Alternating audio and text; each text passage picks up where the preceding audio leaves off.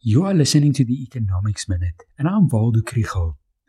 Yesterday's episode explained why the forecasts of the short term economic benefits of hosting the Olympics are often wrong and the benefits limited. But what about the long term benefits?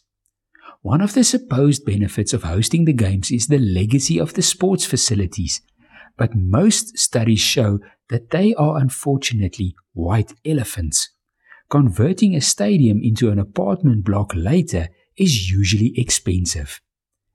The investment in infrastructure is a better deal, but there's no evidence that it gives a better return than investing in a better transport network anyway. It's not necessary to host the games to do it. Whether the games puts a city on the map is difficult to determine.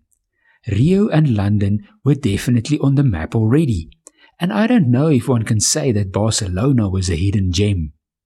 Research shows that hosting the games can help to attract visitors afterwards, but this is certainly not a cheap way of doing it. It is also not clear whether hosting the Games leads to an increase in exports and economic growth in general.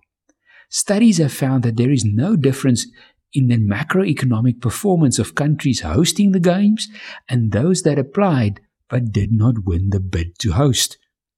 Tomorrow is the last episode in this series, and then I want to talk about the ways that we can make the hosting of the Games more viable.